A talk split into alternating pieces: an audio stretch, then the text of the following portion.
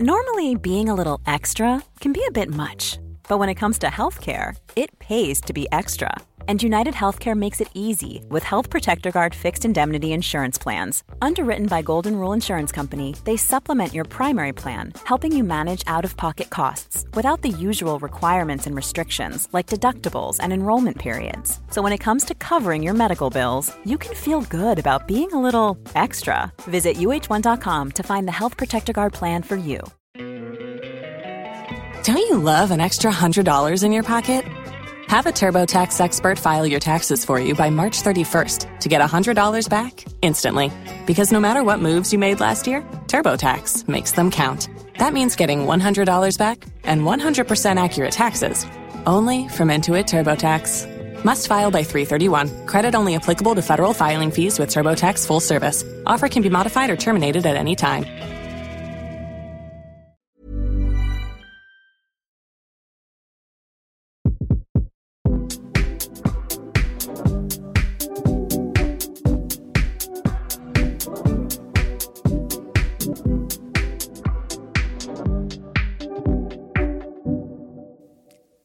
Ukens tanketips det er faktisk litt inspirert av eh, episoden vi hadde med Kristin Holte sist uke, der hun snakket en del om dette med følelsen og opplevelsen som vi sitter igjen med etter en treningsøkt. Eh, og det er jo ganske basic og banalt, tenker kanskje mange. Men samtidig så tror jeg det er veldig mange som, spesielt når de står overfor denne dørstokkmila, kun på en måte eh, kobler trening og den altså det å, liksom, følelsen av å trene med det litt vonde som står på når du er oppi det. Men det som er litt fint, er egentlig å ta seg et lite minutt eller to eller fem etter økta til å rett og slett bare kjenne etter. Hva er det som foregår nå? Ta deg tid til å kjenne den godfølelsen og den cocktailen med gode gladhormoner som kommer snikende. Og notere deg litt den bak øret. Ikke bare liksom det som er litt sånn hat og vondt underveis. Det er jo litt sånn som at når man går på en topptur, så er det ikke sånn at du liksom ti meter før du har gått uh, til toppen, så bare snur du og går ned igjen. Du tar deg jo tid til å sette deg opp på toppen og nyte utsikten. Og litt sånn er det også med trening, at kanskje spesielt etter kondisjonsøkter, ta deg en sånn bitte liten eh, pause. En, skap et lite space der hvor du faktisk kan legge merke til den gode følelsen som faktisk nesten utelukkende alltid kommer etter trening. Husk den, og minn deg på den neste gang det er krevende å ta seg på gymmet.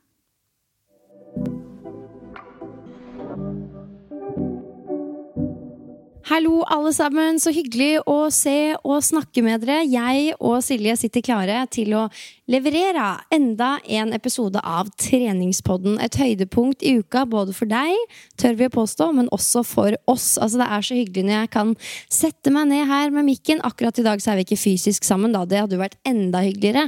Men det er en god nummer to å sitte her og skjermes. Jeg sitter hjemme i stua mi, og du sitter hjemme på, i barnerommet til kidsa, ser det ut som. Nei, faktisk så har jeg oh, ja. inntatt vårt vanlige soverom. Men jeg har liksom, for å lage sånn litt ok lyd, så har jeg dekt gulvet med liksom puter og tepper og dyner. Eh, så jeg håper at det liksom blir ikke altfor mye klang. Å ja, for det, det har ikke jeg gjort. Nei, nå ble jeg stressa, Silje. Nei, det går sikkert Nei. bra. Det går nok helt fint. Og det er jo, som du sier, et lite høydepunkt å få lov til å møtes her, skravle inn i mikrofonen om eh, masse ulike temaer innenfor helse, trening. Alt det vi digger å drive på med. Og nå i mars så har vi hatt veldig mye fokus på både dette med fysisk og mental styrketrening. Og denne episoden blir jo faktisk den aller siste episoden nå i mars. Eh, Og da er det naturlig med en liten status på livet, trening og ikke minst ta seg muligheten for oss til å svare på en del av de spørsmålene som dere lyttere har sendt inn til oss i løpet av eh, de siste ukene.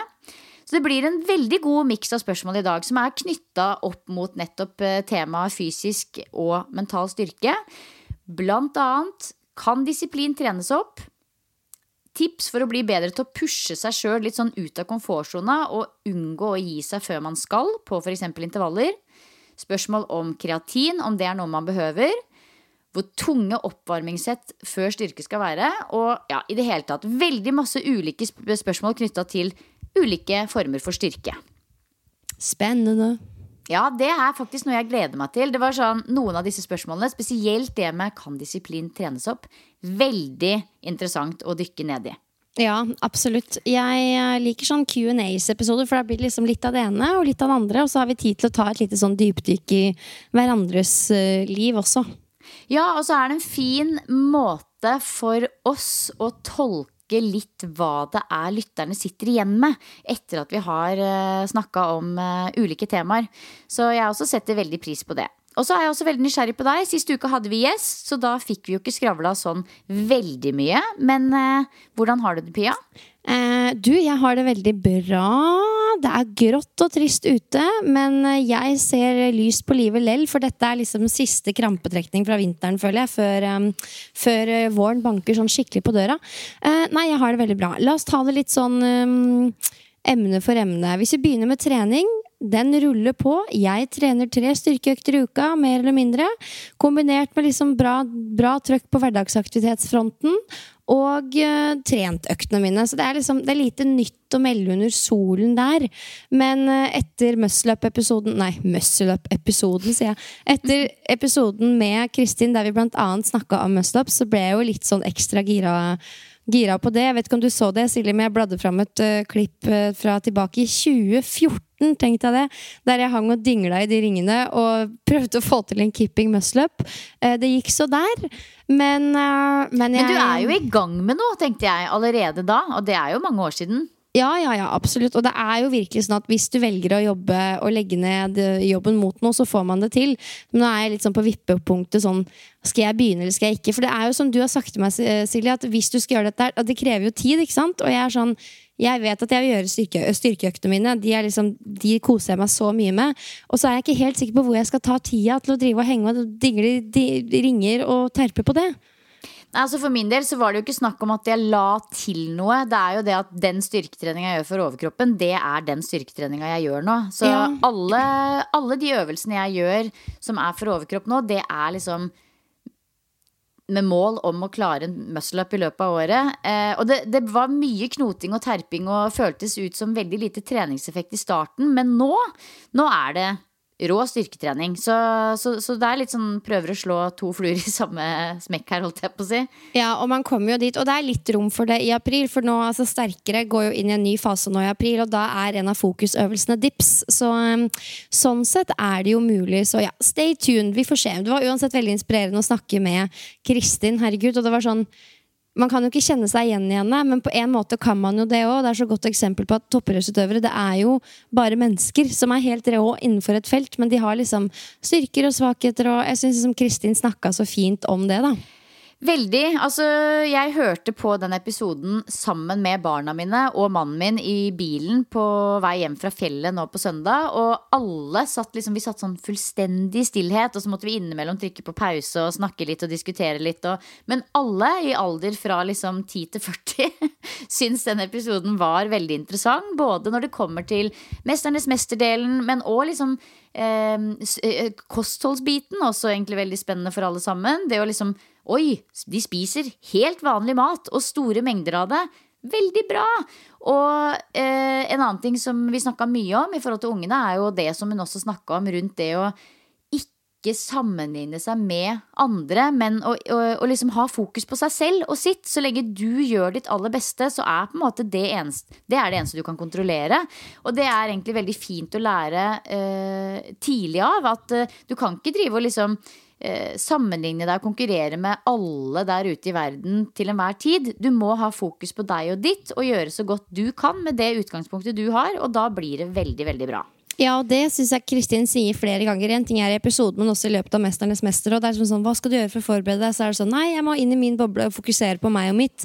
Mm. Det er liksom den eneste måten du kan bli god på.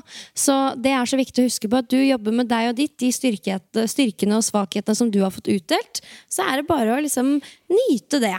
Ja, det er akkurat det. Og jeg tenker sånn, det er kjempefint å la seg inspirere av andre når det gjelder liksom ja, inspirasjon til også øvelser og mål og ting man kan drive med når det gjelder aktivitet og trening, men ikke liksom ikke, la, ikke, ikke, kopiere mål når det gjelder eh, prestasjon, fordi det kan bli eh, mange kjipe nedturer.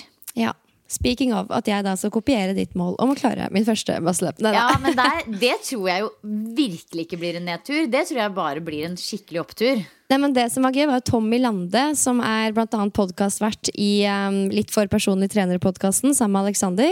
Eh, han tok kontakt og sa sånn, vet du hva, jeg Han er i pappaperm nå, tror jeg, så han var sånn jeg Jeg var i middag med han i går. Var du? Ja, jeg spiste middag med han i går, så jeg har sovet i fire og en halv time i natt. Å ja, det ble seint på deg og Tommy. Dere tok dere en fest. Ja, eller han var hjemme litt tidligere enn meg, men uh, det var seint, ja. Fortell. Hva? Hva, hva gjorde Nei, nei, du, nå var det jeg som avbrøt deg, så du skal få lov å fullføre. Ok, men Bare fortell lynkjapt. Hva var anledningen? Nei, Jeg var i middag med han i forbindelse med litt sånn Nå skal vi møtes og spise en middag, alle sammen som tralte rundt her på Myren, så jobber sammen ellers og ser hverandre bare i tights. Nå skal vi ta på Finstasen og ta oss en middag hjemme hos eh, vår daglige leder Sandra, som har fått seg nytt sted å bo. Å herregud, så sjukt hyggelig. Ja, ikke sant? Men så, han, han sa ingenting om meg og muscle-ups? Det er jo helt sjukt. Reiste han seg ikke opp og plinga i glasset og fyra, fyra, fyra noen fraser om det? Jo, Um, faktisk. Anywho, han sa sånn Jeg kan gjerne hjelpe deg med det. Uh, og det hadde jo vært uh, da, er- da er det alvor hvis du får assistanse utenfra. Um, ja, så vi får se. Det jeg, ville bare, jeg fikk lyst til å nevne det. Det er liksom det eneste jeg går og eksperimenterer litt med oppi hodet mitt når det kommer til trening. Utover det så er det liksom bare møte opp, gjøre øktene mine, kose meg med liksom litt progresjon på hver eneste treningsøkt. Altså, it's all I need at the moment, og det er så deilig.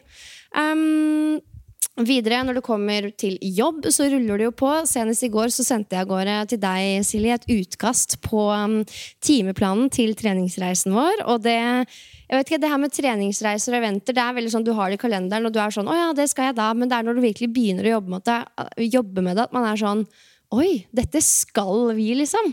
Eh, Ja. Og det ble veldig ekte når um, ja, jeg sendte den timeplanen. Ja, jeg også kjenner at jeg altså, Det er akkurat sånn du sier, at det er når du begynner å sette deg ned og skape liksom Skape planen, at du begynner å visualisere og virkelig se for deg at oi, vi er der om så og så mange uker. Og ja, jeg har også kjent litt kribling i magen rundt det. Ja, og før den tid, altså nå førstkommende helg skal jeg holde et foredrag på Oslo Fashion Outlet, og så er det jo påsken, den kommer vi jo nærmere tilbake til. Og så er jeg litt stressa. Eh, men jeg syns det er skikkelig kult òg. Jeg skal nemlig ha mitt første sånn helt egne treningsevent i Oslo. Eh, og det er litt gøy, for jeg spurte jo egentlig deg om du ville være med og bidra med litt sånn yoga og meditasjon og sånn. Og det ville jeg jo at du skulle, fordi jeg elsker deg og jeg vil ha den viben din der. Men så måtte jeg flytte datoen, og da passa det ikke for deg likevel. Og en liten del av meg kjente at det var litt sunt for meg, for da må jeg virkelig bare stå i det 100% på egen hånd. Skjønner du? Ja, ja, ja. Det er liksom, det er, mi, det er meg som inviterer 200 pers til Sats Colosseum, og bare sånn Ja, ja! Nå kjører vi. Uff, så det er sånn, Jeg gleder meg helt sykt, og det sto på to do-lista, så da var det bare å gjøre det. på en måte Jeg prøver å fjerne meg litt fra det når jeg gjennomfører sånne ting. Fordi hvis man begynner å tenke for mye på det, så ja, det, da orker man ikke. Eh, men det, Så det er jo en milepæl som jeg gleder meg til å få gjennomført. Sånn jobbmessig, da, når vi er inne på, på det. Så eh, fokus framover er liksom å fortsette å jobbe med Trent og sterkere as always, men også å gjennomføre disse eventene med glans. Shape Up Weekend er jo også på trappene oppe på Vestlia i juni. Og det er vel ikke utsolgt? eh, helt? Det er jeg litt usikker på, faktisk. Men jeg tipper at det er mulig å sikre seg en billett der fortsatt. Og det kan jeg bare si. Nå tror jeg, altså jeg tror Første gangen jeg var der, var i 2016. Og det har vært et par år jeg ikke har vært der. Men har jo stort sett vært til stede på akkurat den helgen der. Og det har jo du òg. Det er en helt sinnssyk helg. På Vestlia, Resort på Geilo. Jeg var der faktisk nå i helgen med familien. Bare sånn i privatsammenheng. Og det er altså så fantastisk hotell. Det er spa, det er svømmebasseng, det er svær takterrasse med masse muligheter for utetrening. Det er nydelig store saler nede med mulighet for alt mulig slags trening og masse yoga. Og det er bare Altså, det er liksom 500 treningsjenter fra overalt i hele landet som møtes og har en kjempefest. Så det gleder jeg meg til. Ja, Har du fått vite hva slags timer du skal ha, eller er det avgjort? Det er jeg faktisk litt usikker på as we speak, men jeg regner jo med at det sikkert blir lansert veldig snart. Ja, ja, nei, det blir en veldig kosehelg. Det er, sånn, det er ikke da vi jobber oss i hjel. Vi har noen treningstimer, og så er vi der og bare nyter og koser, ko, koser oss. Ja, for litt av tanken er jo også nettopp det at vi skal gå litt rundt og skravle litt med folk og bli Det er jo veldig hyggelig for, en hyggelig anledning for oss å møte lytterne til treningspodden, møte de som har fulgt ShapeUp i mange år, møte på de samme folka som vi har møtt der år år etter år. Det er jo også litt av greia, at man ikke bare fyker fra time til time, men faktisk har muligheten til å ja, sladre og skravle og kose seg litt også Ja. mellom slaga. Åh, virkelig. Ja, nei, å, det blir gøy. Uh, ja, uh, og på privaten, alt er uh, det, er sånn, det er sånn på autopilot at man sier alt er bra, og så begynner man å fortelle hvordan man har det. Men det er sånn, Man må alltid si sånn, jeg har det bra. Men man har det jo, jeg har det, jeg har det veldig bra. Jeg er i gang med oppussing. Får hjelp, sånn at hun sørger for at jeg har en eller annen form for smak. For det er sånn som vi snakka om, Silje. Du kan se en stol, og så er man sånn Er den fin eller ikke? Jeg aner ikke. Hva, hva er den stolen? Så jeg sender altså henne så mye dumme meldinger at det er eh, Jeg tror hun begynner å angre litt egentlig på at hun takka ja til samarbeidet, men det blir veldig fint, da. Og bare det at vi har gått fra å ha det mørkegrått hjemme, jeg og kjæresten min snakka om det i går, fra mørkegrått til lyst, altså det har det kan godt hende det er placebo, liksom, men det er altså så deilig. Vi føler oss så mye sånn lettere til sinns. Så det, mm, det var en god avgjørelse. Men det er det også eh, faktisk Jeg skal ikke snakke altfor mye om det, men det er, det er faktisk forska ganske mye på det med fargepsykologi. Og det er jo enkelte farger som får oss til å føle oss veldig bra, og andre farger som ikke får oss til å føle oss så bra. Og, og, og det er faktisk ganske viktig å, å, huske på når man skal liksom bo et sted. Er- jeg burde jo absolutt fortelle det til meg selv, eh, mye mer enn det jeg gjør, for her er det jo ikke sånn kjempestaselig. Men, men det er jo tenker sånn, det er jo faktisk litt viktig å huske på at man eh, bruke farger som gjør at du trives, og, og at, du, at du kan liksom føle at hjemme er hjemme. Det er jo litt viktig. Ja, at hjemme er hjemme. Og det er sikkert en del at jeg, at jeg har liksom blitt mer voksen, og det er veldig viktig for meg nå. At det liksom blir mitt hjem med min smak, og mine bøker er framme, og litt sånne ting. Og tidligere så har jeg vært sånn herregud, for noe jålerier. Hvis du har noe maling på veggen, så får det holde, liksom. Men eh, nei, nå er jeg liksom keen på å investere litt i det å bare ha det fint. Da. Jeg har alltid vært en veldig sånn fremoverorientert person. Nå er jeg, prøver jeg liksom ja, nei, jeg vet ikke, leve litt mer her og legge til rette for at vi kan kose oss også som familie. Og så er det hyggelig å ha et uh, prosjekt sammen som par og familie. Det har vi også veldig godt av å liksom uh, ha litt fokus innover på oss og kjernen, og ikke bare ut og fram og jobb og ting som er utenfor hjemmet, for da reiser man fort bort litt andre steder. Det er nettopp det. Eh, så ja, det var meg. Hva med deg? Åssen har du det borte på Fornebu der? Jo da, det er eh, bra her, altså. Det har vært en eh, veldig sånn innholdsrik periode, føler jeg. Med ganske mye fokus på liksom nye ting, oppstartsting. Litt sånn prestasjonsfokus, spesielt i starten av måneden. Mye ting som skulle forberedes, spesielt da i jobbsammenheng. Men så har jeg kjent at, og det var egentlig planen hele tiden, at jeg liksom skulle få lov til å lande litt mykt nå i slutten av mars. Og bare ha fokus på å skape gode øyeblikk med familien.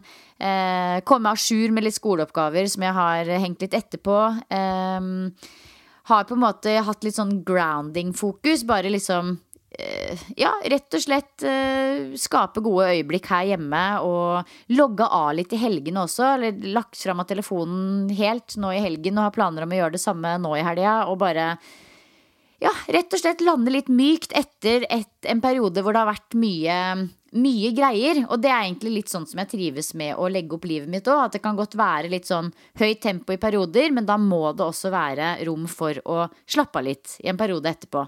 Så, så sånn sett veldig bra. Jeg var jo i Trondheim forrige helg og holdt yogatimer og foredrag på denne eh, kvinnehelsedagen, fe, Femina, eh, på 3T. Og det var jo kjempespennende. Eh, Det var mye sommerfugler i magen i forbindelse med den dagen. Og jeg har jo snakka mye om det i her også. For, ja, for de som ikke vet det, så har jo det å holde foredrag vært liksom sånn som jeg har hatt på Hatt på agendaen og på to do-lista mi i mange år i forhold til ikke bare å gjøre det, men å faktisk liksom jeg vet ikke, jeg liksom bruke litt tid på å sette meg inn i hvordan jeg vil gjøre det også. Eh, Så et av målene mine i 2023 er jo å bli både litt mer rutinert og komfortabel på den arenaen. Eh, Og ja, jeg var i Trondheim og holdt foredrag for eh, 80 personer. Jeg var det, altså. Det var du, og det er jo bare helt rått. Gratulerer, Silje. Jeg kunne ønske vi hadde sånn mulighet til å legge på sånn applauslyd, men vi er ikke helt der ennå. Men applaus! Hvordan Ja. var, hvordan var følelsen Fikk du sove natta før? Det er det som er, at det, det fikk jeg sånn delvis, faktisk, ja. Og det, og det, det forventa jeg jo ikke at jeg skulle få. For jeg må jo ærlig innrømme at hver gang jeg skal til et nytt sted, i en ny by, sove på hotell, det er mye nerver og spenning i forkant, så sover jeg fryktelig dårlig den natta før. Jeg sov litt dårlig natta før, og da var jeg kjempefornøyd, hvis du skjønner. Ikke sant? Eh, og, det, og, og, og jeg, jeg eh, hadde en yogatime først som egentlig var veldig lurt for meg, tror jeg. Var veldig bra, smart satt opp på den måten. At jeg fikk liksom landa litt i en rolle som jeg føler meg relativt trygg i. Eh, og så klarte jeg på en måte også å legge opp eh, tematikken i den yogatimen, sånn at det var en litt sånn rød tråd inn i foredraget. Eh, og så var foredraget mitt klokka tolv, og det som var så sjukt, var at jeg var liksom en time før ikke så veldig nervøs, men kvarteret før. Å, herregud. Og det var litt spennende, fordi jeg har egentlig, når det gjelder liksom hvordan jeg skal samle meg. Eh, litt sånn strategier på det, men der var jeg litt rådvill. Eh, så jeg begynte med å liksom sette meg inn i en krok, og bare satte meg inn i en krok et kvarter før for å liksom lande litt alene, puste litt og sånn. Så kjente at det ble helt feil. Det ble helt feil. Så jeg måtte rett og slett opp og gjøre litt mobilitetsøvelser. Så det var liksom rett og slett bøy og tøy og strekk og pust og bevege, bevege på kroppen for å jeg vet ikke, jeg beveger på hodet. Jeg klarte ikke helt å være i ro. Um, og så var det selvfølgelig kjempehyggelig å ønske folk velkommen, og folk satte seg på plass. Og Merka du noen kroppslige signaler på stress? Ja, altså Ble så- du klam i hendene? ja, ja, ja. Klam i hendene, store sommerfugler i magen som bare ble større og større. Og så kjente jeg, og det var litt spennende, og det har jeg på film også, for jeg filma jo hele foredraget for å kunne evaluere meg selv etterpå. Eh, smertefull prosess. Men det ser jeg på filmen også, at idet jeg blir presentert, altså introdusert, så må jeg faktisk sette meg ned på huk i et halvt sekund for å bare grounde meg sjøl litt. Jeg står der og er veldig sånn smiler og er glad, og så bare ser jeg at å ja, jeg måtte liksom drop down i en liten deep gøy. der. Og det er jo litt sånn Jeg tror det bare er liksom en sånn naturlig reaksjon i forhold til at jeg er yogalærer. At jeg bare må rett og slett ned til jorden, kjenne at den støtter meg, og den Jeg kan stole på det, at den holder meg, liksom. Eh, og så var det opp igjen og kjøre på. Så, så det, det, Det skal, jeg, det skal jeg prøve før foredraget mitt på lørdag. Ja, drop down. Ta en liten sånn uh... Men det er så fint uh, Vi skal snakke litt om det senere i episoden òg, men altså det, er, uh, det er jo et veldig sånn tydelig stress når, man, når kroppen responderer fysisk med liksom klamme hender, rar svettelukt, man begynner å få den høye pulsen. eh, og det er ganske skremmende, og man kan liksom bli stressa av bare det. Men det er også veldig fint når man klarer å møte det med litt sånn nysgjerrighet. Og bare sånn Jøsse navn, her er jeg klam i hendene, her står jeg, liksom. Og begynner å reagere på dette, dette miljøet her. Det er, eh, Det er det. det er jo veldig Og- spennende å være i den settingen også. Det er det, og vi har jo faktisk fått et lyttespørsmål om stress som vi jeg vi skal besvare mye mer dyptgående etterpå. Men det er et veldig typisk eh, positiv stress, akkurat det vi snakker om nå. Dette er positiv stress. Det gjør at jeg eh, presterer bedre fordi at kroppen min eh, setter meg sjøl i stressmodus. Det er jo for å skjerpe sansene og være skikkelig, skikkelig på. Så det er sunt stress. Og eh, altså ett minutt etter at jeg var i gang med foredraget, så gikk det jo Det bare gikk på skinner. Det var bare kjempegøy. 110% dritmoro, på en måte. Og avslutta på 57 minutter. Spot on. Alt var jo liksom veldig på plass. Men så ser jeg jo også at det er liksom Det er forbedringspotensial der. Det er ting jeg kommer til å endre på i forhold til struktur, overganger, sånne type ting til neste gang. Og det, det visste jeg jo. Men alt i alt så er jeg veldig fornøyd med opplevelsen. Altså den Atmosfæren i Trondheim er jo alltid helt magisk. Folk er der fordi de ikke må, men faktisk vil. Det er jo stor forskjell på å holde foredrag på en arena hvor folk bruker fritida si til å komme og være på av egen fri vilje, og det å holde foredrag på en konferanse der du må være med jobb. Eh, så for min del så var det bare utelukkende en kjempefin opplevelse. Eh, og når jeg var ferdig den dagen, du vet jo hvordan du er, du er jo helt drenert av inntrykk, opplevelser. Du er fysisk sliten, psykisk sliten. Og da dro jeg på hotellet og gjorde alt riktig, hvis du skjønner. For det er veldig fort gjort da at du bare blir sånn Nå er jeg så sliten at jeg bare skal ligge og scrolle. Men så bestemte jeg meg bare for at nå gjør jeg litt yoga. Og så så jeg, og så bare bestilte jeg takeaway og satt og så på noe helt meningsløst på TV en time og spiste takeaway. Og så skrudd, la jeg vekk mobilen, skrudde av TV og bare liksom lå der. Sovna. klokka ni. Og våkna klokka halv seks neste morgen og hadde sovet i ett strekk. Så det var veldig deilig det også, at jeg liksom ikke At jeg, at jeg liksom fikk ordentlig sånn Jeg våkna på søndagen og var sånn fullstendig uthvilt. Fordi jeg visste at jeg hadde fulgt oppskriften som var smart. Eh, det er jo veldig fort gjort at man liksom tenker sånn Å, nå har jeg prestert, nå har jeg fortjent å ligge her og scrolle i tre timer, eller liksom, du vet. Men det var bare sånn Nei, nå trenger jeg å hvile. Så det også var egentlig en veldig sånn fin del av opplevelsen, å komme hjem litt uthvilt fordi jeg hadde prioritert søvn.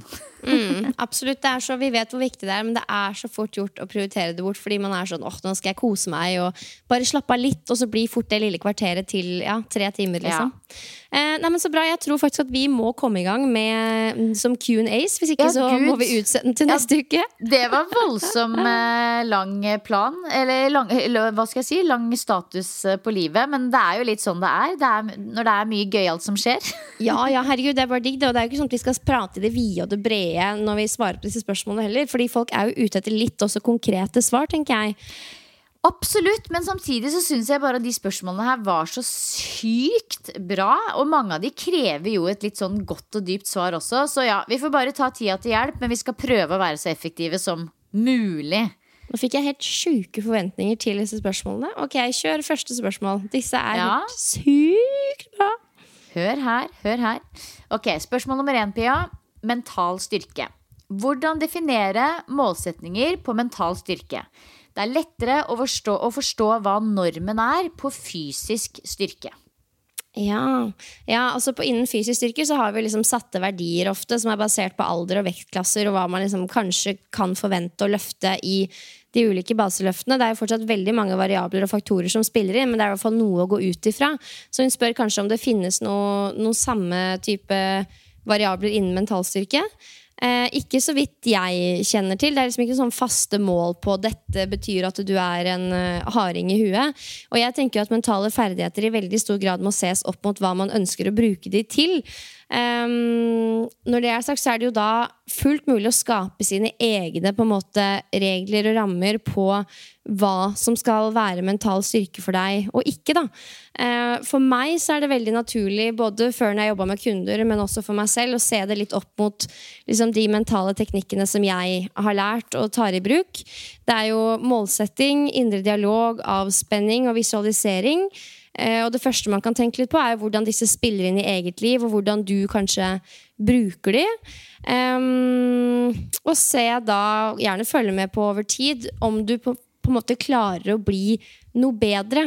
Og konkret hva du skal måle det på. Når man jobba med utøvere, for eksempel, så så man jo på eh, opplevelsen underveis i en konkurranse, eller med golfspillere, hvordan de utførte liksom golfslaget basert på visualiseringa vi gjorde. Altså Det var virkelig sånn Du måtte finne opp dine egne måleparametere for å gjøre det spesifikt nok.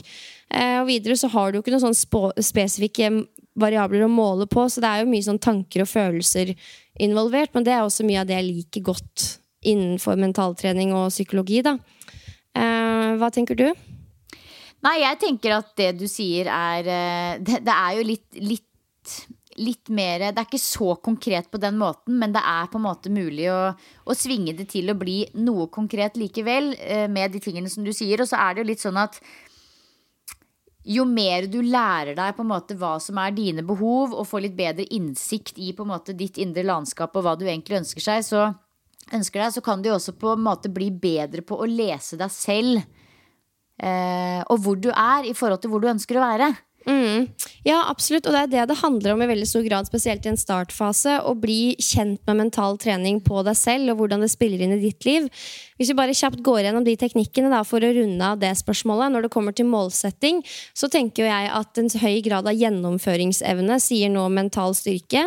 Du har jo veldig mange som setter seg mål både her og der, men på en måte aldri They never see through, da. Og det er jo ja, det er jo litt synd, og da tenker jeg at man har mye å hente der. Standhaftighet, evnen til å ha fokus på det ene målet over tid, og ikke liksom drifte fra det ene til det andre. Eh, også det å tåle motgang på vei mot et mål. Det er liksom ikke sånn at 'å nei, nå, nå ble jeg skada, så da ga jeg opp det', på en måte. Det er selvfølgelig lov, det også, men det å tåle litt sånn tøffe dager, for de kommer jo, det sier jo mye om den mentale styrken din når det kommer til det å sette seg mål. Eh, når vi snakker om indre dialog, altså den indre tankekverna, så tenker jeg jo at det er nyttig å reflektere rundt om hvorvidt man for det første legger merke til den. Er du bare en slave av den indre skravlegåsa, eller har du på en måte et bevisst forhold til den? Eh, og ikke minst om du klarer å vende en veldig sånn negativ indre dialog til noe, om ikke positivt, så i hvert fall konstruktivt. da. Eh, for vi ønsker jo at man i hvert fall skal ha evnen til å snakke seg sjøl litt opp og fram, og i hvert fall støttende og konstruktivt, og ikke bare nedenom og hjem, sånn som dessverre veldig mange gjør. Hjernen er jo skrudd sammen sånn at den skal beskytte oss for farer, så når det er noe vi er redd for, så er det veldig naturlig å snakke seg selv litt ut av det. Men uh, i, i, dagens samfunn så trenger man jo ikke nødvendigvis det, og man trenger litt pep når man skal bryne seg på utfordringer. Avspenning. Eh, det handler også litt om bevissthet. Har du begrep om hvordan og når du hviler, og gjør du det på egne premisser? Eh, og fører det til at du faktisk lader? Mange tenker jo at de eh, slapper av når de ser på Netflix, og for all del mange gjør det, men det er også for andre en veldig sånn engasjerende måte å Altså, du ligger og ser på noe og er på det er ikke sikkert at du føler deg så mye mer opplada etter å ha sett på Netflix i to timer. Kanskje du da aktivt skulle valgt å gå på yoga nidra. Altså, du har et veldig bevisst forhold til avspenning, Silje, og jeg tror at det mm. også i stor grad påvirker evnen din til å være mentalt sterk, fordi du har jo masse overskudd til å sette inn trøkket der hvor det trengs. da. Um, og sist, men ikke minst, visualisering. Klarer du å se for deg ting og skape den sinnsstemninga du vil ha? Klarer du å forberede deg på et ønska utfall ved å ta litt sånn kontroll på tanker og følelser? Eller er det sånn at med en gang du begynner å se for deg ulike scenarioer, så går det liksom rett vest, og du lar deg reise av gårde med den negative spiralen, da. Så det, det er bare mine tanker og liksom noen faktorer som du som lytter kan tenke over og måle deg selv litt på. Da. Og hvis du kjenner at det er et eller annet sted du er hvor skoen trykker, hvor du kjenner at åh, oh, jeg er fæl på å snakke meg sjøl ned og hjem, nedenom og hjem, så er det et sted man, kunne, man kan eksperimentere litt, da. Absolutt. Mm. Ja. Indre dialog og visualisering, det tror jeg man kan komme ekstremt langt med. Ja, og neste spørsmål skal vi se her, det bygger jo litt videre på det. Eh, tips til stressmestring. Hvordan håndtere perioder med stress bedre eh, mentalt. Yes. Jeg elsker jo det spørsmålet her, fordi det er noe Altså, stress er noe alle har et forhold til, og alle må forholde seg til på den ene eller andre måten. Og så er det kanskje Det handler kanskje mest om hvor bevisste vi er, tror jeg, i forhold til hvordan vi håndterer det. Eh, og det er jo litt som vi var inne på i forhold til dette med det foredraget. Det høres jo helt voldsomt ut, men eh, det er jo et godt eksempel. Det er jo derfor det er lurt å ta det opp i poden også. Mange kan kjenne seg igjen, og, i, igjen i det med klamme hender, sommerfugler i magen, være nervøs, tørr i halsen. Altså, og det er jo nettopp det er. Altså, stress er på en måte kroppens måte å reagere på utrygghet eller mangel på kontroll, som f.eks. For en foredrags- eller presentasjonssituasjon. Stress er rett og slett kroppens måte å reagere på det å miste kontrollen litt. Eh, og det er en kjempefin eh, en måte, mekanisme som i utgangspunktet er ment for å holde deg nettopp liksom sharp, forberedt og da igjen trygg. Eh, men det er jo litt ubehagelig der og da. Kroppen spenner seg, og sansene og instinktene skjerper seg veldig. Eh, og det er ikke meninga at vi skal gå rundt og ha det sånn hele tida, men en gang iblant så er det veldig bra for oss. Men jeg tror det som hun refererer til, er nok kanskje litt det liksom overveldende stress i hverdagen. Det som liksom, det bare ruller og går. Det er liksom altfor mye som skjer. Er, du har ikke kontroll på tinga dine. Du føler at det er bare et sånt hav av gjøremål, to do-listene som aldri tar slutt. Det gjør jo også at kroppen din er nesten i litt sånn konstant stressmodus. Og ja, det er veldig mange ulike faktorer som kan føre til stress. Alle opplever det. Og målet, og det er litt viktig å presisere, målet er ikke å fjerne stress. Det handler om å mestre det bedre. Eh, og her fins det jo veldig masse gode tips, både fra liksom vestlig psykologi og østlig psykologi. Jeg skal prøve å tipse om noen av mine favoritter her. Og ett godt tips i forhold til å tolerere stress bedre og rett og slett være litt mer robust i dager hvor det er mye støy, uro og lange to do-lister, det er rett og slett at selv om det er litt travelt, så må du faktisk øve deg på å gi hjernen noen pauser i løpet av dagen. Fordi hjernen vår er helt avhengig av å liksom ta noen friminutt til å prosessere inntrykk, opplevelser, erfaringer, følelser. Og hvis man aldri tar seg tid til å liksom sette på pause i løpet av dagen, men liksom prøver å være produktiv i hvert bidige sekund, så er det veldig fort gjort at når du legger hodet ned på puta på kvelden, da kommer det tanker, uro, eh, grubling, eh, snikende, og så plutselig så ligger man der. Så det å liksom gi seg selv og planlegge det å liksom gi seg selv noen gode pauser for å fordøye alle inntrykk, og liksom rett og slett ta noen pauser med seg selv eh, før du havner på puta på kvelden, det er veldig smart. Unngå den derre kontinuerlige stimuleringen. Ikke liksom vær redd for å kjede deg i bilen, eller vær redd for å kjede deg på bussen, eller eh, vær redd for å gå ti minutter uten å høre på podkast, f.eks. Eh, rett og slett avtal å ta noen sånne friminutt i løpet av dagen til å fordøye og regulere og se det som dukker opp. Mm. Det er ett tips. Eh, selv om det føles som du ikke har tid, så vil det kjøpe deg mye tid. Du, ja. Nei, ja, nei, for det er det som er Du har jo aldri tid. Jeg opplever det i min egen hverdag. At jeg hele tiden prøver å være i forkant. Ved sånn, åh, nå har jeg en lomme, så da gjør jeg det. Så har jeg bedre tid etterpå. Men problemet er at du får ikke bedre tid. Klokka bare løper kjappere fordi du hele tiden gjør mer og mer og mer. Så eh, det er så viktig det du sier der om å velge å stoppe opp, ta kontroll. Og, ja. og, på den måten skape mer tid og liv. Hvis ikke så er du bare inni det hamsterhjulet og, og løper av gårde og stopper aldri. på en måte Nei, og så tror jeg kanskje i starten, og, og det kan jeg også fortsatt kjenne på, at liksom man nesten får litt dårlig samvittighet av å ikke gjøre noe. Det er jo veldig klassisk eh, flink pike-syndromet. Så er det kanskje lurt, jeg må i hvert fall egentlig gjøre det, planlegge på forhold. når er mine friminutt i dag. Er det til og fra ditt og datt? Er det at jeg skal sette meg ned og meditere litt i lunsjen? Er det at jeg skal gå ut i lunsjen og få 15 minutter frisk luft og legge telefonen hjemme? Du må liksom sette det nesten i kalenderen når friminutta i løpet av dagen er. Eh, så det er ett tips. Eh, og et annet tips er å prøve å kanskje faktisk ta et skritt tilbake og se livet sitt litt utenifra. Eh, fordi det føles jo ut som det bare er altfor mye å gjøre, og det er alle andre sin skyld. Men se litt på liksom, helheten på uka di. Er det mulig å fjerne noe av det du bruker tid på, som kanskje ikke er nødvendig? Eh, det går også an å skrive en dagbok en periode, f.eks. en uke, og prøve å få en liten sånn oversikt over hva du bruker tida di på. Og kanskje så får du en liten wake-up call på at oi, shit, jeg bruker sykt mye tid på dette, det er uviktig. Og kanskje blir du litt smartere på det å delegere. Eh, et annet kjempeviktig tips, det er å bruke pusten. Og det er når du kjenner på den Nå har vi snakka litt om de typiske eh, tegnene på stress. Eh, når du kjenner de tegnene snike seg på, Bruk pusten. Det er viktig å huske på det at vi kan kontrollere pusten vår, og pusten kan kontrollere oss. Og hvordan vi puster, det påvirker hvordan vi har det, både psykisk og fysisk. Og det trenger ikke å være avanserte pusteteknikker. Det kan være rett og slett å ta ti dype pust. Og da har du automatisk også fått deg et friminutt. Mm. Så eh, er det litt sånn Ja, litt sånn egentlig liksom de basic tinga som selvfølgelig det er alltid det som er enklest å få til, som også er vanskeligst å få til av en eller annen grunn. Men det handler jo om å sove nok, bevege seg nok, få nok dagslys.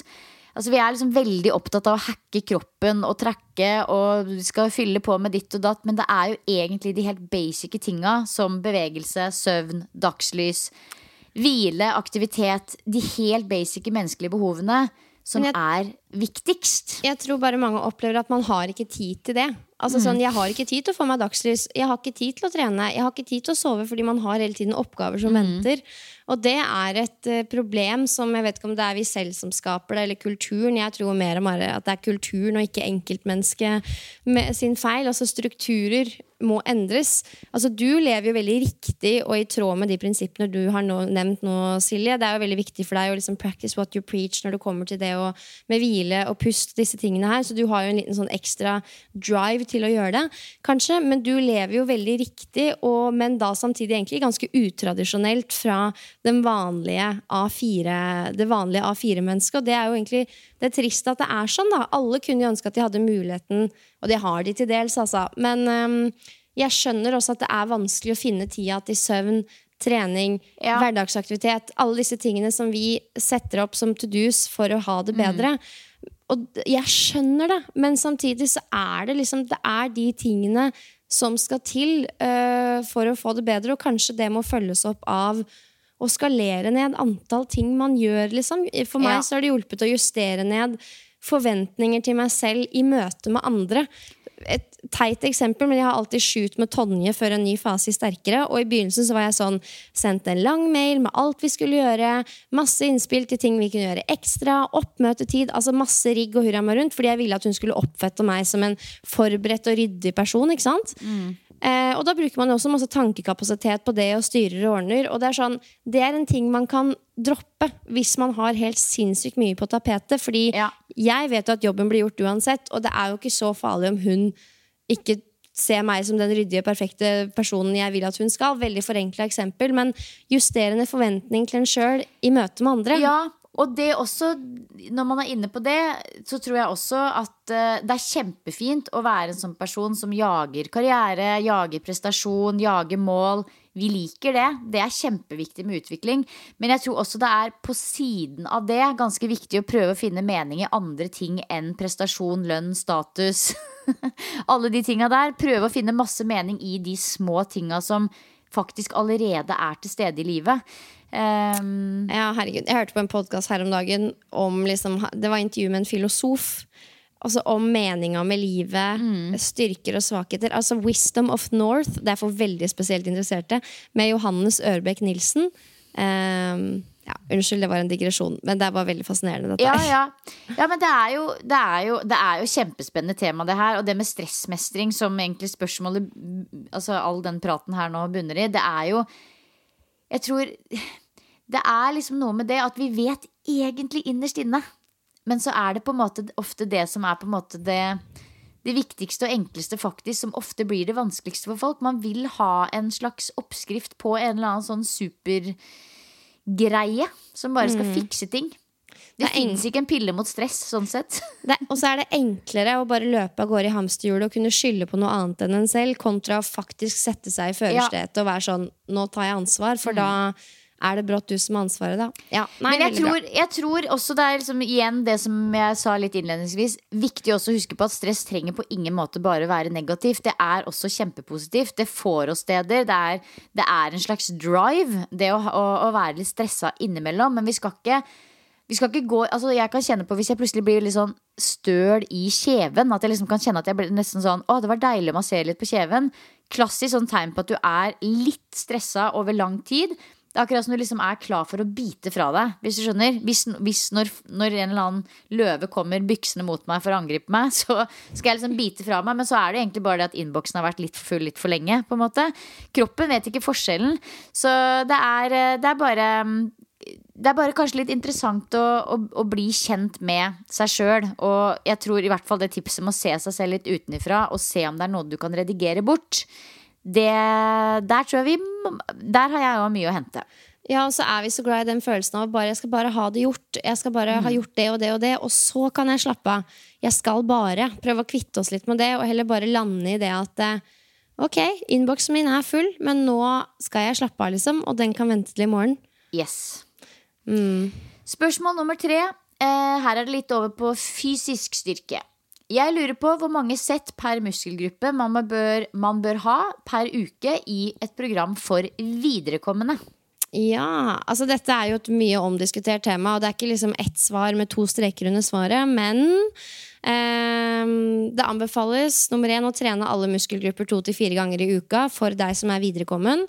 Og så kommer det an på hva hun legger i viderekommen, da, men uh, i boka 'Sterkere' av Martin Norum og Benjamin Christensen, og liksom en rekke andre steder, så defineres det um, uh, som en som har 6-12 måneder med erfaring med styrketrening, og ikke bare da bodypump, liksom, men at du har trent uh, gjennomtenkt styrketrening på program med fokus på progressiv belastning, da. Um, yes, og da anbefales det også 12-18 sett per muskelgruppe per uke. Jeg syns ofte det er litt sånn teit å snakke om, fordi for folk flest Det, det er litt som å si prosentvis eh, av, av protein, fett og karbohydrater i et kosthold. Det blir jo bare sånn merkelig tall for folk flest. Men det man jobber med når man programmerer styrketrening, er jo å se litt på ok, hvor mye arbeid ligger du på nå. Eh, trenger vi å ta det opp litt? Altså øke antall satt, sett, rett og slett gi deg mer belastning fordi kroppen trenger mer utfordring? Eller i noen tilfeller må vi ta det litt ned fordi du klarer ikke å hente deg inn igjen. Så vi kan absolutt bruke disse føringene som nettopp føringer, men det viktigste tenker jeg er å komme i gang. Gjerne starte med så lite som mulig. Ja, hvis du er viderekommen, så er ikke det tilfellet, da. Men ikke tenke at, liksom, at du skal pøse på med mest Nei. mulig fra start. Heller tvert imot. Men, jeg, men, det er ganske spot on i forhold til hvordan jeg trener. Jeg er nok uh, liksom viderekommen, men trener jo ikke sånn helt sykt mye styrke. Uh, og jeg trener uh, Hvis jeg tar beinøvelsene mine, da, så trener jeg jo to til tre øvelser på bein to dager i uka. Og det blir jo et sted mellom 12 og 16 mm. ish. Det gjør jo det. Men så er det noen ganger sant, på overkroppen så er jeg kanskje på litt eh, På enkelt Ja, ikke sant. Det, det, det, blir Jeg tipper at jeg ligger på sted mellom 10 og 16 per muskelgruppe i uka, jeg, faktisk. Ja, Og så er det jo ulikheter i muskelgruppene. Eh, noen trenger kanskje mer stimuli, andre mindre. Noen er mer eksplosive, andre er mer utholdende. Eh, og liksom, hva er effektive sett og reps? Hva er oppvarmingssett? Det er mange faktorer som spiller inn, som en trener tar høyde for når de programmerer. Men mm. det aller viktigste man gjør, er å finne liksom baseline og følge med på progresjonen over tid. For så lenge den pila går oppover, og du har det bra på veien, så er du It's your jam, liksom. Hold deg der.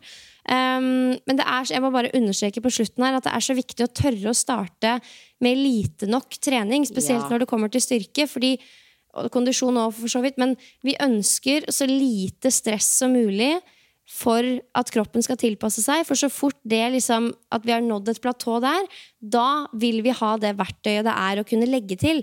Men hvis du mm. starter på 150% så har vi på en måte ikke noe mer å gå på. Pluss at du, blir jo mest, eller du er jo mest sannsynlig underrestituert stor ja. del av tida. Men eh, ikke vær redde for å begynne med lite trening, da. Nei, og det, altså, Dette her var faktisk litt sånn interessant tema vi snakka om rundt denne middagen i går. Hvor vi var et stort bord med personlige trenere og instruktører og folk i treningsbransjen både her og der. Noen på CrossFit-boks, noen på vanlig treningssenter, noen gruppetreningsfolk. Og det er jo nettopp Det var det vi snakka om, at det er så klassisk det som skjer. At folk kommer inn og de bare setter seg noen helt sinnssyke mål og bare gønner på som et uvar i seks måneder. Og så blir de skada. Og det kan ta så lang tid å komme seg igjen. Så det er, man, man, kjøper seg så mye tid faktisk med trening ved å starte rolig. Og det er det folk ikke forstår eh, alltid. Man, jeg skjønner det. Man får overtenning og man har lyst til å bare bli verdensmester på et kvarter, liksom. Men ved å gønne på som nybegynner så kan du potensielt risikere å bli satt skikkelig tilbake fordi du går på en smell.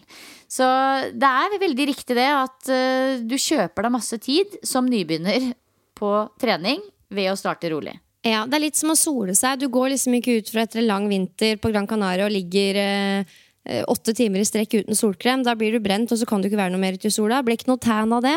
Det pleier jeg å gjøre. Eh, ja, du gjør det. Eh, du må ta det litt, litt, etter litt, sånn at kroppen rekker å tilpasse seg, og til slutt så blir du supertan og digg, og det er jo selvfølgelig målet. Hallo! Hallo. Um, ok, vi må, vi må, vi må ja. trykke på litt her. Um, Silje, hvordan bli bedre til å pushe seg på intervaller og tåle høy puls? Jeg stoff, stopper ofte før jeg skal. Ja. Det syns jeg var et godt spørsmål. Det er jo dritkjipt å tenke at man har en intensjon om å trene intervaller fast en gang i uka, og så stopper man opp før man skal. Eh, og da har jeg bare ett ord å komme med sånn innledningsvis, og det er mestring. Du må ha troen på at du skal få det til, og for å få opparbeida den troen, så må du først oppleve mestring, og da er vi inne på akkurat det samme som vi har akkurat har snakka om i forhold til styrketrening. Fordi Mestringsforventning det er en veldig kjent teori i psykologien gjennom Albert Bandura. Han var jo en kjent psykolog fra USA som forska masse på dette med personlighet og læring. Og mye av de teoriene som han eh, kom opp med, de blir brukt i treningssammenheng. Og det Bandura mente, er at eh, positive tanker rundt ønskede resultater er superviktig og alfa og omega for gode handlingsmønstre. Og mestringstro er på en måte eh, en egen tro på at en handling lar seg gjennomføre. Så for å få god selvtillit på egen mestringstro, f.eks. i intervaller på tredemølla, så må du først oppleve å mestre. Og dermed så anbefaler jeg å legge lista kjempelavt, slik at du garantert mestrer det du holder på med, før du utfordrer deg ytterligere. Så den aller viktigste kilden til mestringstro det er tidligere resultater. og Derfor så må man legge lista lavt. Så hvis man f.eks. ønsker å være en som jobber med høy puls og intervaller på eh, løping, enten inne eller ute, eller på romaskin eller whatever, så kan du ikke på en måte begynne på 16 km i timen på en 4x4. Det var bare et random eksempel, men kanskje du må begynne med å jogge. Å klare å holde ut i den arbeidsperioden som du har satt deg, gjøre det noen uker, og så kan du øke farta og intensiteten. Så du er helt avhengig, avhengig av å gi deg selv muligheten til å mestre det for å få mer mestringstro, for å igjen kunne klare det. Mm.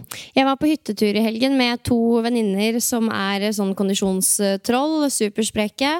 Og eh, hun ene venninna mi har jeg kjent i 100 år, og hun er liksom nyfrelst løpejente. Og hun fikk liksom helt sinnssyk fremgang og ikke minst blod på tann når hun starta på et program som ble satt opp for henne, og hun starta, og hun var sånn jeg trener jo ikke hardt nok nå, liksom. Hun var vant til å gå på gruppetimer og bare gønne på.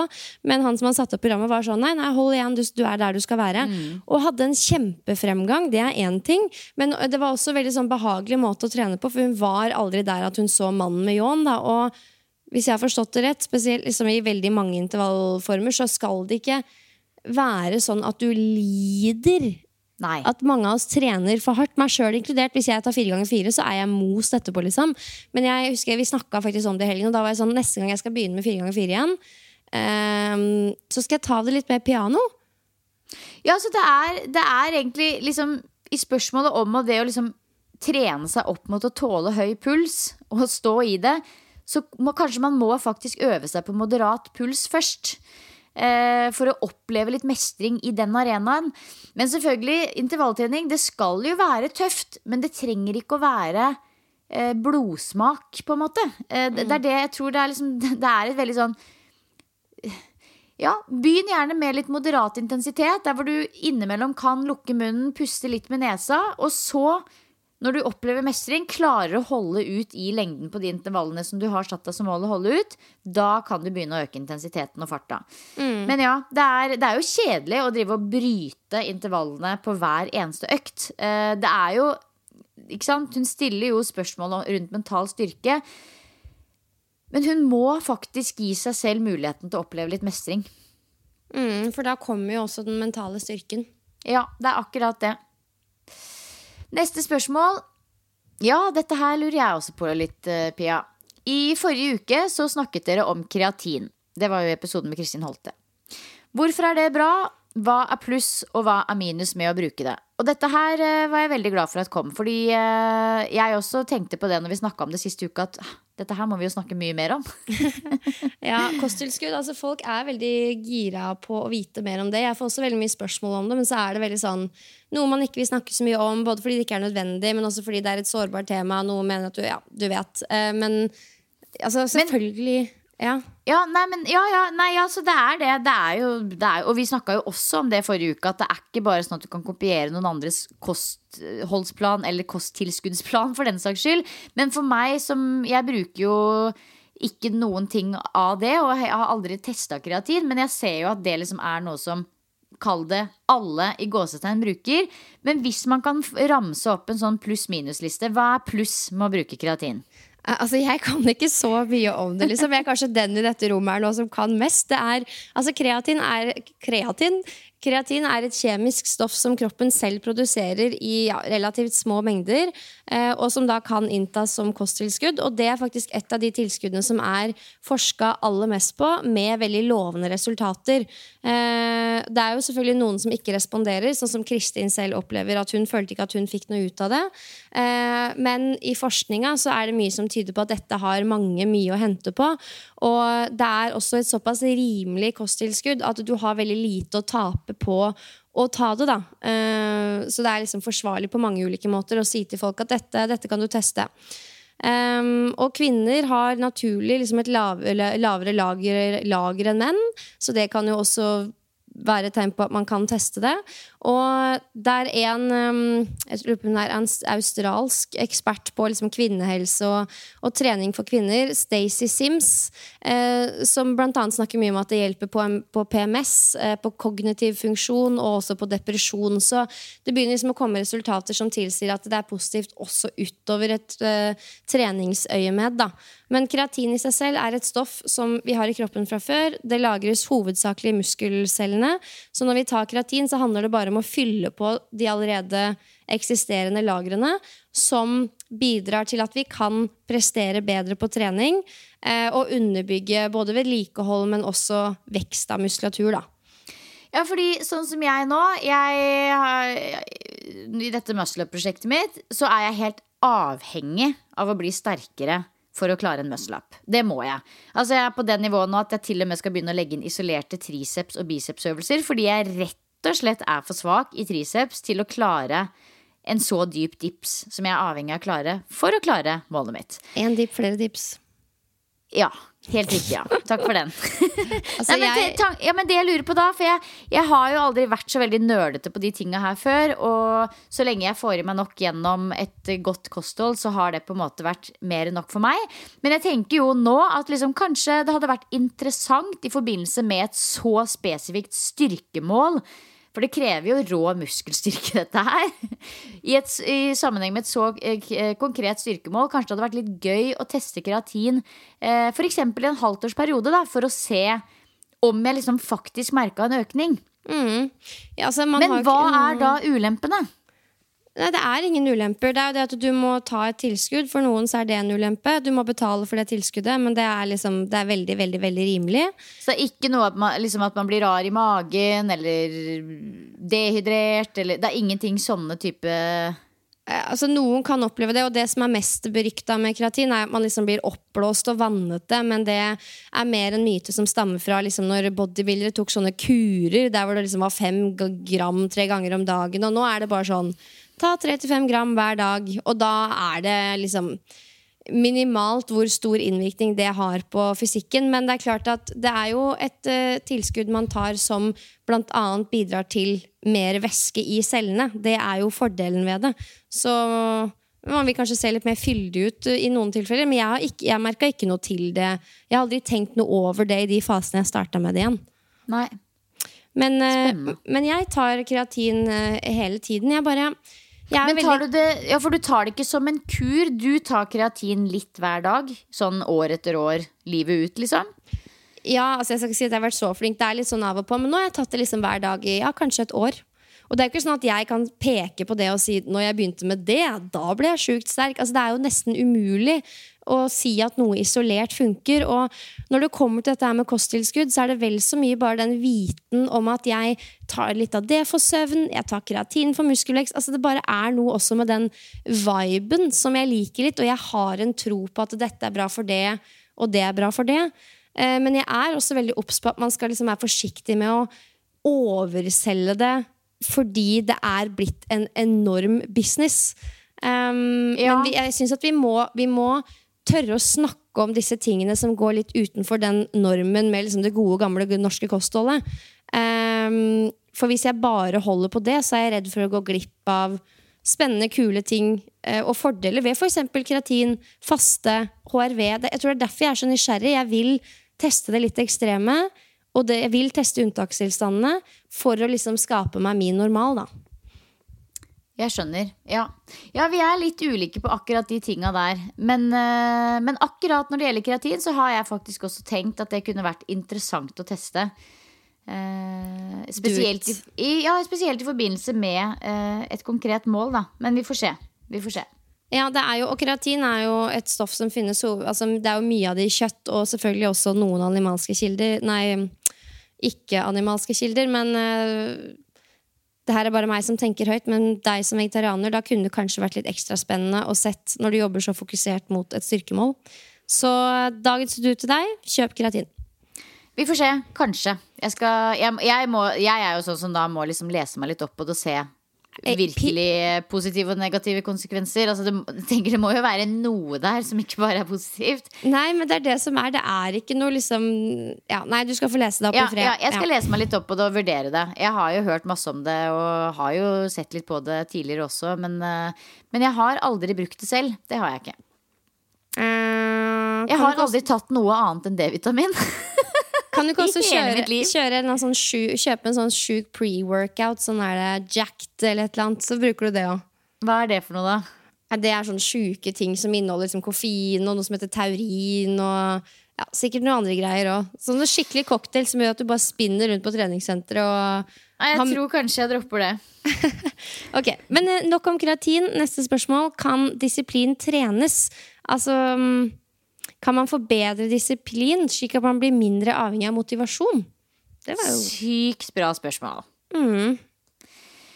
Eh, ja. Altså, når man snakker om disiplin, kan disiplin trenes? Selvdisiplin. Så da tar jeg meg friheten til å bare si at da handler det jo egentlig om å, et ønske om å trene opp viljestyrken sin. Og ja, den kan faktisk trenes opp som en helt vanlig muskel. Så du kan trene opp viljestyr- eh, viljestyrken din bli, eh, slik at den blir sterkere. Og du kan bruke opp viljestyrken din slik at den blir eh, sliten. Og ja, selvdisiplin er jo på en måte en litt sånn Kan kalle det evnen som handler om å strukturere sin egen energi for å oppnå mål. Og vi har jo virkelig en god dash av den alle sammen. Ellers så hadde vi jo stått helt på stedet hvil. Altså, hvis man ser på liksom f.eks. barn som lærer seg å stå på ski eller snowboard. De slår, og de blir frustrerte, og de fortsetter å prøve og fortsetter å prøve. Og det er en indre motivasjon, og det er selvdisiplin. Og det er en del en naturlig del av oss mennesker alle sammen. Det er rett og slett en drivkraft som vi må ha for å utvikle oss. Eh, men så er vi samtidig da veldig tiltrukket av det å ha det behagelig. så det som koster litt, det frister ikke alltid mest. Men innenfor f.eks. ja, altså innenfor det med vaner, som vi snakka masse om i februar, så er jo det å lage gode vaner også en fin måte å etablere et liv der hvor du slipper å bruke opp viljestyrken din hver eneste gang du skal noe. Eh, Det krever jo litt, litt viljestyrke å lage disse vanene og øve såpass mye på dem at det blir en vane som ikke koster deg noe. Men eh, ja, jeg, jeg eh, det er jo egentlig ja på det spørsmålet. Du kan absolutt eh, trene opp disiplinen din, sånn at du ikke trenger å jage motivasjon. Eh, men jeg, jeg tenker da at det å se litt på vaner kanskje er det enkleste stedet å begynne. Mm. Eh, ja, og så er det jo liksom, Det er jo noen innenfor eh, eh, Jeg hadde jo en del om personlighetspsykologi i høst, og i, innenfor personlighetspsykologien så er det jo da ser man jo det at det er enkelte personer som scorer veldig høyt på eh, selvdisiplin, og de scorer ofte høyt på det som går på samvittighetsfullhet. Det handler veldig mye om viljestyrke og selvdisiplin. På egentlig godt og vondt, da, for disse menneskene er jo også de som blir flink pike-syndrom-personer. Men eh, det er et av de personlighetstrekkene som gir deg den selvdisiplinen og retningen du trenger for å nå mål. Eh, og den er trenbar for alle sammen, uavhengig av om du scorer høyt eller lavt på samvittighetsfull. Um, men jeg tror også Jeg vet ikke, jeg tror det handler jo også om på en måte det å sette seg mål, eh, bli bevisst på om du er en person som prokrastinerer. Eh, kanskje være en person som får unnagjort det som virker minst fristende aller først. Altså rydde litt opp i livet sitt, rett og slett, eh, er jo en god vei mot mer selvdisiplin. Mm. Jeg tror det er en kombinasjon av det å prøve å rigge det til sånn at man gjør det enkelt for seg selv. Og, og en del av det er å liksom Jeg tror liksom ikke de som får til sjuke ting, er nødvendigvis helt sjukt selvdisiplinerte. For all del, de har jo en god del av det. Men det er også det at veien og valgene de tar, oppleves liksom ikke så veldig kostbare. Jeg tror det er viktig å rigge, det, uh, rigge til seg selv sånn på en måte at man klarer å komme seg til mål uten at man føler at det koster absolutt alt du Ja. eier og har.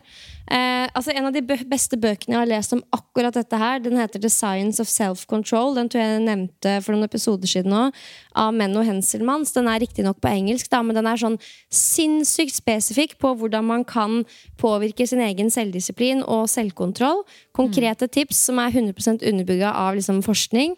Eh, og det, er liksom, det er så utrolig mye nyttig som man virkelig kan ta i bruk i livet sitt. da Og Fikk jeg lyst til å lage en egen episode på det. Ja, det kan vi jo. Og det fins jo også mye gode bøker om willpower, altså viljestyrke, hvis man er eh, ekstra interessert. mm. Ok, nei, men veldig bra. Ja, og Det fins jo også i psykologien en sånn tendens som kalles for what the hell-effekten. På godt norsk så kaller vi det alt eller ingenting. Og det er litt der også, hvis du blir litt bevisst på denne effekten, så kan det virkelig skje magi. Det er liksom ikke sånn at du trenger å droppe trening hele uka bare fordi du landa på sofaen på mandag. Eller du trenger ikke å spise hele bollen med sjokolade bare fordi du tok én twist i resepsjonen på jobb. Det er på en måte noe med liksom Ja, bli litt bevisst på what the hell-effekten, rett og slett. Mm. Så jeg vet ikke om det var godt nok svar, men det er jo absolutt mulig å trene opp sin egen selvdisiplin. Ja, og prøv å spørre deg selv hvorfor du føler at du trenger så mye disiplin på veien mot det du ønsker. Eh, finnes det noen måte du kan gjøre det litt lettere for deg selv? For eksempel gjennom gode vaner. Ok, jeg dundrer bare videre her nå, Pia. Eh, tidligere i mars så snakket dere om oppvarmingssett på styrketrening, og jeg må ærlig innrømme at jeg kun gjør mobilitetsøvelser rett før f.eks. tunge knebøy. Det går helt fint, men hvor tunge skal oppvarmingssett eventuelt være, og hva er poenget? Løfter man tyngre? Eh, om hvorvidt det får en til å løfte tyngre eller ikke, det tror jeg varierer veldig. Det er mange som klarer seg med lite oppvarming, og, og det funker fint, på en måte. Men mye tilsier jo at man legger til rette for bedre, tyngre løft hvis man forbereder seg. Både fysisk, men en stor del av det er jo også mentalt.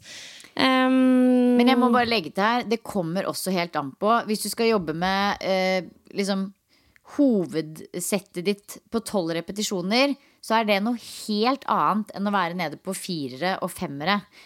Du kan ikke bare gå fra mobilitetstrening til å jobbe blytungt på fire repetisjoner. Det går ikke. Nei, Det kommer litt an på hvordan du definerer tung styrketrening eller tunge knebøy. da, men eh, hun, Fire, fire repetisjoner. ja, men hun sier at hun eh, Ja, det er nettopp det. Det er nettopp det. Det er, det det er derfor jeg sier at det kommer jo helt an på om tung styrketrening da er tolv repetisjoner eller fem repetisjoner. Men det kan jo være at hun går rett på firerne. Men det er, det er jo veldig sånn lite intuitivt. Altså, Det er jo utrolig ubehagelig. Ja, altså faktisk, jeg hadde en opplevelse nå på mandag senest hvor jeg hadde litt dårlig tid og tenkte sånn Jeg tar det, jeg dropper litt den der oppvarminga på utfalla mine i dag, jeg. Det gikk ikke veldig bra, for å si det sånn. Altså, jeg hadde altså, sånn helt stinne lår når jeg var på fem repetisjoner og egentlig skulle ta ti. Mm. Og, det, da, og da hadde jeg allerede trent tunge knebøy rett før. Og jeg, det er jo veldig sånn individuelle forskjeller her, men jeg tror for de aller fleste, hvis man skal trene tungt, så må man ta noen litt tyngre oppvarmingssett. Ja, og da er jo spørsmålet hvor tunge de skal være. Her er det ikke noen sånn strenge regler, men sånn som en uh, regel så kan du tenke at du skal ha ett til tre oppvarmingssett med gradvis økning i vekter. Så begynne kanskje med stanga, og så legge på litt belastning og gjennomføre alt fra fire til åtte reps. Det her kommer helt an på hvor mange reps du skal ha i toppsettet ditt, og ikke minst hvor tunge vekter. Eh, Men bare kjenne at du har en naturlig økning og oppbygning til det tyngste settet. Så du trenger ikke nødvendigvis så veldig tunge vekter når du varmer opp, men du skal gjerne tenke at det er tungt, for vi gjør det vel så mye for å Kall det skru på muskulaturen litt og, og fyre i de rette bevegelsesbanene. Sånn at når du får den tunge st- stanga på, på ryggen, så er du på en måte påskrudd i systemene dine, både fysisk og mentalt. Så når du varmer opp, vekta kan være så som så, men tenk kontrollert bane ned, også opp selvfølgelig, men da også eksplosivt. Tenk at det liksom er tung vekt på stanga, sånn at du er klar til å være eksplosiv også når du skal eh, løfte tungt, da. Mm. Em, siste spørsmål i dag. Hørte nettopp siste episode, og det var veldig inspirerende. Hvis mulig, ja, dette er jeg gira på. Hadde det vært stas å se programmet til Silje med tanke på målet om en muscle-up? Er inne på samme tanken selv. Ja. Jeg blir nesten litt sånn flau. Why? du personlig, nei da. Det er ikke det, men jeg blir litt sånn selvbevisst. Sånn, Tenk om noen hører dette og bare sånn Herregud, hva er det hun driver med? Men eh, ja, da blir det jo på en måte å nevne bare det jeg gjør på overkroppen i disse dager, da. For det er jo på en måte stort sett Det jeg gjør av styrke på overkropp nå, det er med tanke på denne muscle-upen. Og det jeg gjør på Altså, jeg trener da styrke to dager i uka. Dag én så gjør jeg chins i ringer. dips i ringer, ro-ringer. Og så har jeg nå da lagt til en ekstra tricepsøvelse som jeg ikke har kommet helt i mål på hvem jeg skal lande på. eh, og så har jeg én runde med heng i false grip. Der hadde jeg liksom tre runder med false grip hang så lenge jeg klarte. Nå gjør jeg bare én. Eh, det er dag én. Eh, dag to den Unnskyld, jeg i dag. men når du gjør chins, eh, gjør du det med false grip eller vanlig? Nei, dag én så gjør jeg bare vanlige chins i ringer. Til eh, de er, haka de er rett over, liksom? Eller til uh... Nei, da gjør jeg så høyt opp jeg kan. Ja. Ja. Vanlige chins ringer. ja, men så gir På du deg én. Men trekker du til bare haka over, eller trekker du til liksom ringene er i brysthøyde? Det er det som er målet, ja. Så jeg prøver på det. Ja, og så blir det Det blir jo ikke alltid sånn, på en måte. Skjønner, skjønner. Eh, men jo, jeg, jeg øver meg absolutt på å trekke meg opp så høyt som overhodet mulig. I alt med, det. Hva gjør du med beina dine da? Henger de foran eller bak? Eller? Da henger de foran. Ja, Så du liksom låser de i en sånn hollow-posisjon? På en måte, ja. Ja. Eh, og så er det dag to. Da kjører jeg chins med false grip. Og deretter dips i stativ med ekstra kilo, har jeg nå begynt med. Eh, og så er det chins til dips i ringer med strikk under rumpa i en sånn L-sitt-posisjon. Og så jobber jeg med pullups til bar med strikk under føttene for å få liksom barn helt opp til eh, eh, under puppene, på en måte. Eh, og det er det jeg gjør. Og så pleier jeg å legge til toast to bar på én av disse dagene. Det er jo god styrketrening, det der, da. Ja, det er det. Det er det jeg gjør. Det er aldri noe mer enn dette nå, på en måte. Eh, og det er absolutt god styrketrening, eh, dette her, men det var ikke det i starten. De tre-fire første ukene så var det mye kløning og Det var ikke så mye sånn 'nå er jeg sliten i musklene mine', men nå er det det. Ja. Åh, kult. Nei, men Det er godt å høre at det er flere som leker med tanken, så får vi se om vi tør å begi oss ut på reisen. Vi skal hvert øyeblikk runde av ukas episode. This was a long one, men jeg liker det. Eh, og vi pleier jo alltid å runde av med ukas boost. Det er liksom ment som eh, en påminner både til oss selv og dere om at uansett liksom, hvor kjipt ting eh, har vært, det er jo sånn innimellom, så er det alltid en boost et eller annet sted. Og tro meg, vi finner på de merkeligste ting. Eh, men det er liksom en fin måte å runde av episoden på, også for å minne dere på å finne liksom deres egen boost. da. Um, ja, hva, hva, hva har vært din siden sist, Silje? Jeg tror jeg skal trekke frem at jeg har hatt et sånt lite sånn, eh, en sånn intensjon eller et lite mantra med meg nå egentlig siste uka og de siste to ukene faktisk, som er litt sånn, det er klisjé, men litt sånn Every day is a special occasion. Fordi jeg har tatt meg selv litt i, og det tar jeg meg selv i egentlig ganske ofte, at jeg ser liksom på årshjulet mitt, og jeg ser på perioden jeg er inne i, og så ser jeg veldig sånn Å, der er den store greia. Og der er det eventet. Og der er det greiene som jeg skal fullføre. Og så lever jeg litt sånn opp mot det, tikker av den boksen, og så er det videre opp mot neste store greie. Og nå har jeg to uh, ganske store greier i løpet av dette året som jeg som er veldig spennende. Jeg gleder meg til. Det er helt naturlig å bruke masse kapasitet til å tenke på det, planlegge det, forberede. Hva er det? Men så, ja, den ene tingen kan jeg ikke si. Nei, skjønner. Den, den kommer etter hvert. Den kommer etter hvert. Men den andre tingen er at jeg faktisk også skal eh, arrangere min egen yogareise i høst, i august. Ja, det er gøy. Og det blir en sånn Altså det har jo vært en drøm i mange år å egentlig gjøre det, men så har jeg aldri liksom kasta meg på det treningsreiseopplegget av veldig mange grunner. Og jeg kommer nok ikke til å være den som arrangerer masse treningsreiser i utlandet eh, fremover heller. Men nå skal jeg arrangere én egen yogareise til, til Hellas i høst. Som jeg gleder meg helt sykt til. Altså Det er bare på et sånn fantastisk vakkert sted. Sånn blafrende hvite gardiner i utendørs yogasjala og femstjerners hotell. Og, ja, det blir helt fantastisk. Det er én ting, men så er det også et annet litt større prosjekt enn det igjen. Som jeg også liksom driver og gleder meg veldig over. Det, men poenget mitt er ikke, det er ikke egentlig det. Det er at jeg har en tendens til å henge meg veldig opp i at liksom jeg jobber meg opp mot noe. Tikker av den boksen, og så jobber jeg meg videre opp mot noe nytt. Og jeg må minne meg litt på at liksom Every day is a special occasion. Du må virkelig jobbe hver eneste dag med å øve deg på å sette pris på store og små øyeblikk. Sammen med barna, alene, på trening, på gruppetimene mine, i de små samtalene på personalrommet. Og jeg setter jo kjempepris på alt sammen. Men jeg merker bare at ved å ha ekstra fokus på det, så blir jeg ekstra hverdagsmotivert.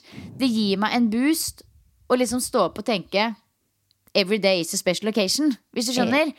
Og det, er, eh, ja, og det er litt sånn, jeg tror Jeg er ikke alene om å Jeg er ikke noe sånn derre Å, nå gleder jeg meg til helg, å, nå gleder jeg meg til ferie. Men det er mer liksom litt sånn store, spennende ting som jeg kan glede meg veldig til. Men jeg har en følelse at veldig mange er ganske like meg på den måten at de f.eks. gleder seg veldig til fredag. Og de gleder seg veldig til ferie. Og nå er det påsken man ser fram mot. Og så etter det så er det sommerferien. Og det, det er jo kjempefint å ha noe å glede seg til. Men det er også litt viktig å glede seg til hver eneste dag. Enig. Ja. Så det er vel egentlig min boost. At det har vært en sånn veldig sånn fin liten sånn intensjon og et fint mantra å ha med seg inn, eh, inn i den perioden jeg er i nå. Mm. Det er veldig fint med intensjoner. Ja, det er det. Og hva med deg, Pia? To ting, faktisk. Jeg var jo på den shooten med Tonje, og så begynte vi å snakke om liksom lengdeforhold på femur og altså lårbein og hvilke øvelser vi klarte og ikke. Eh, sånt snakker vi om mellom slaga. Og så var hun sånn Men pistolskott har jeg alltid klart. Og så banka hun ut noen på hvert bein. Så var jeg sånn åh, det er min hatøvelse. Nå har jeg ikke gjort det på 100 år. Se hvor ræva jeg er. Men tror du ikke jeg klarte å banke ut noen reps på begge beina? Å, herregud. Ja, det litt er jo amazing. Jeg klarte å trene meg opp til det i sommer, men det har alltid vært sånn at hvis jeg lar den skillen gå, litt med chins og pull-ups, så har jeg mista noe, så må jeg trene meg opp igjen. Bla, bla, bla. Men eh, jeg lurer på om jeg nå liksom har kommet meg opp et nivå sånn at nå sitter den, og det var litt kult. Ja, det er så gøy. Pistol squats, den har jeg med meg forever inn i treningsprogrammet, jeg òg. Det er én dag i uka med pistol squats, altså. For det, ja, det er en sånn morsom skill å kunne, som er så gøy å ha med seg på ferie. Og ja, den kan man leke seg veldig med. Så det, det ble jeg imponert over, Pia. Ja, det var gøy, Med, og jeg tror også det bare er en påminner om at når du først har lært deg noe på trening, bygd opp så og så mye muskelmasse, løpt så og så fort, så er det liksom, selv om du ikke gjør det på en stund, så sitter den skillen litt i kroppen, og det er litt digg å tenke på. Ja. Eh, og så, åh, fy søren. Altså, dette her er en hyllest på slutten av ukas episode.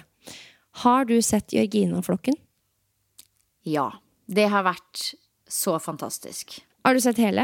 Nei, vi har den siste episoden igjen, så ikke fortell noen ting. Å, herregud. Nei, jeg sa ikke det. Og det er liksom eh, den, Det toppa seg jo med den episoden, men det har Altså, alle digger Jørgine. Det er sånn selvsagt at hun er verdens råeste, kuleste, beste menneske. Og for all del, jeg digger Jørgine. Men jeg har liksom aldri funnet liksom én spesifikk grunn til at hun inspirerer meg personlig sånn veldig. Men altså, den serien der Den var så ekte. Altså, det veldig sånn ekte produsert. Og jeg føler at det at Jørgine bare er en person som forfølger hundekjøring utelukkende fordi hun elsker det. Altså Det ligger jo ikke noe prestisje i Norge eh, i å liksom naile hundekjøring. I hvert fall ikke helt ennå. Um, men hun bare gønner på og ofrer sjukt mye for å få det til. Og alle de situasjonene som hun har stått i gjennom den serien. Altså jeg er bare sånn, Hvor finner du motivasjon til dette? Du har fire barn hjemme. Altså Det at du, du gjør det samtidig med Skal vi danse. Jeg bare, Det for meg er girl power. Og liksom ikke Ja. si det så sjukt høyt at liksom Jeg gjør dette for girl power, men bare execute, sånn som hun gjør. Og så er det mange ting vi ikke ser, og han Morten, kameraten på hjemmebane, er jo bare en saint, liksom. Men jeg bare Jeg fikk en veldig sånn ny eh, respekt for, og liksom virkelig sånn sann beundring for Jørgine. Hun er en tøffing, altså. Ja, så sykt òg. Jeg kan liksom ikke tenke meg noe Nei, er mer utfordrende er- situasjon å sette seg selv i. Enn bare sånn, her er meg og de tolv hundene mine. De hadde bare snødd igjen den ene natta. Bare sånn, Å, alle hadde sovet godt. Det var skikkelig deilig. Ja, ja, den har jeg sett, faktisk. Og det, ja, nei, det er, det er Det må jeg bare si når det gjelder Gine, jeg også, at uh, hun har X-faktor. Det er noe ved henne som er utrolig fascinerende. Hun er en fuckings sitatmaskin. Hun gjør bare ting og gir helt fullstendig beng, kan det virke som i hvert fall, i hva alle andre syns. Hun er eh, særegen og vakker og rå. Det, det, det er hun faktisk.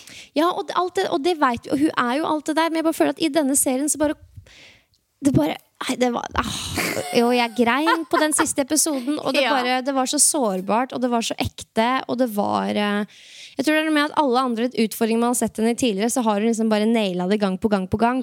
Og det er jo også en viktig påminner, i hvert fall for meg, sånn som jeg er type, at sårbarhet og ekthet motiverer og inspirerer veldig, da. Ja. Um, Det, det gjør det. ja. Og jeg tror Altså, jeg, jeg kan føle på det noen ganger. eh, Altså, nå, jeg, jeg kjører jo egentlig aldri sånn derre 'spør meg om noe' på Instagram. Men jeg gjorde det nå i forbindelse med den yogareisen. Så var det litt sånn 'spør meg om noe du lurer på da angående yogareisen'. Og da var det ei som sendte inn, jeg har ikke rukket å svare på disse her enda, som spurte meg bare sånn 'hvordan har du det'? Eh, og det er jo veldig sånn Ja, det, det det, det tenker jeg sånn, det er et veldig fint spørsmål å stille. Og så tenker jeg at det også kanskje er en tanke bak det i forhold til at man kanskje ønsker å se litt mer av de sidene der man ikke bare gjør det dritbra. Eh, og jeg, det som er med meg, er at jeg tror ikke det koster meg sånn sinnssykt mye egentlig å dele når jeg ikke har det bra. Men jeg, det siste jeg føler for når jeg ikke har det bra, det er å sitte på Instagram. Eh, det, liksom, det, det kunne ikke vært noe lenger unna, på en måte. Eh, altså, det, det er det som frister aller minst i hele verden. Så det, kan man jo være, hvert fall være helt sikker på. At hvis jeg legger ut et bilde der jeg smiler og er glad, og legger ut en eh, sjarmerende tekst, så er ikke jeg eh, nede i kjelleren den dagen. For å si sånn.